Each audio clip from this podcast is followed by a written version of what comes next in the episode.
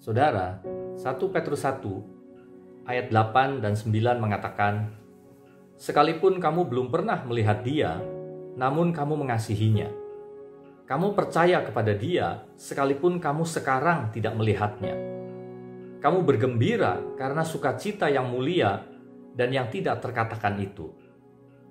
Saya percaya inilah tiga hal yang kita harus kerjakan pada hari-hari ini, yaitu bagaimana supaya kita tetap percaya walaupun kita secara kasat mata tidak melihat Kristus.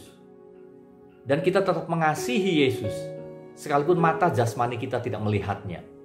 Dan terlebih, bagaimana kita tetap bergembira sekalipun segala situasi mungkin tidak memberi dasar untuk kita bergembira. Ini adalah kata-kata yang Petrus katakan kepada orang-orang yang sebenarnya suasananya tidak baik karena dikatakan bahwa pada saat itu mereka berduka cita oleh berbagai-bagai pencobaan.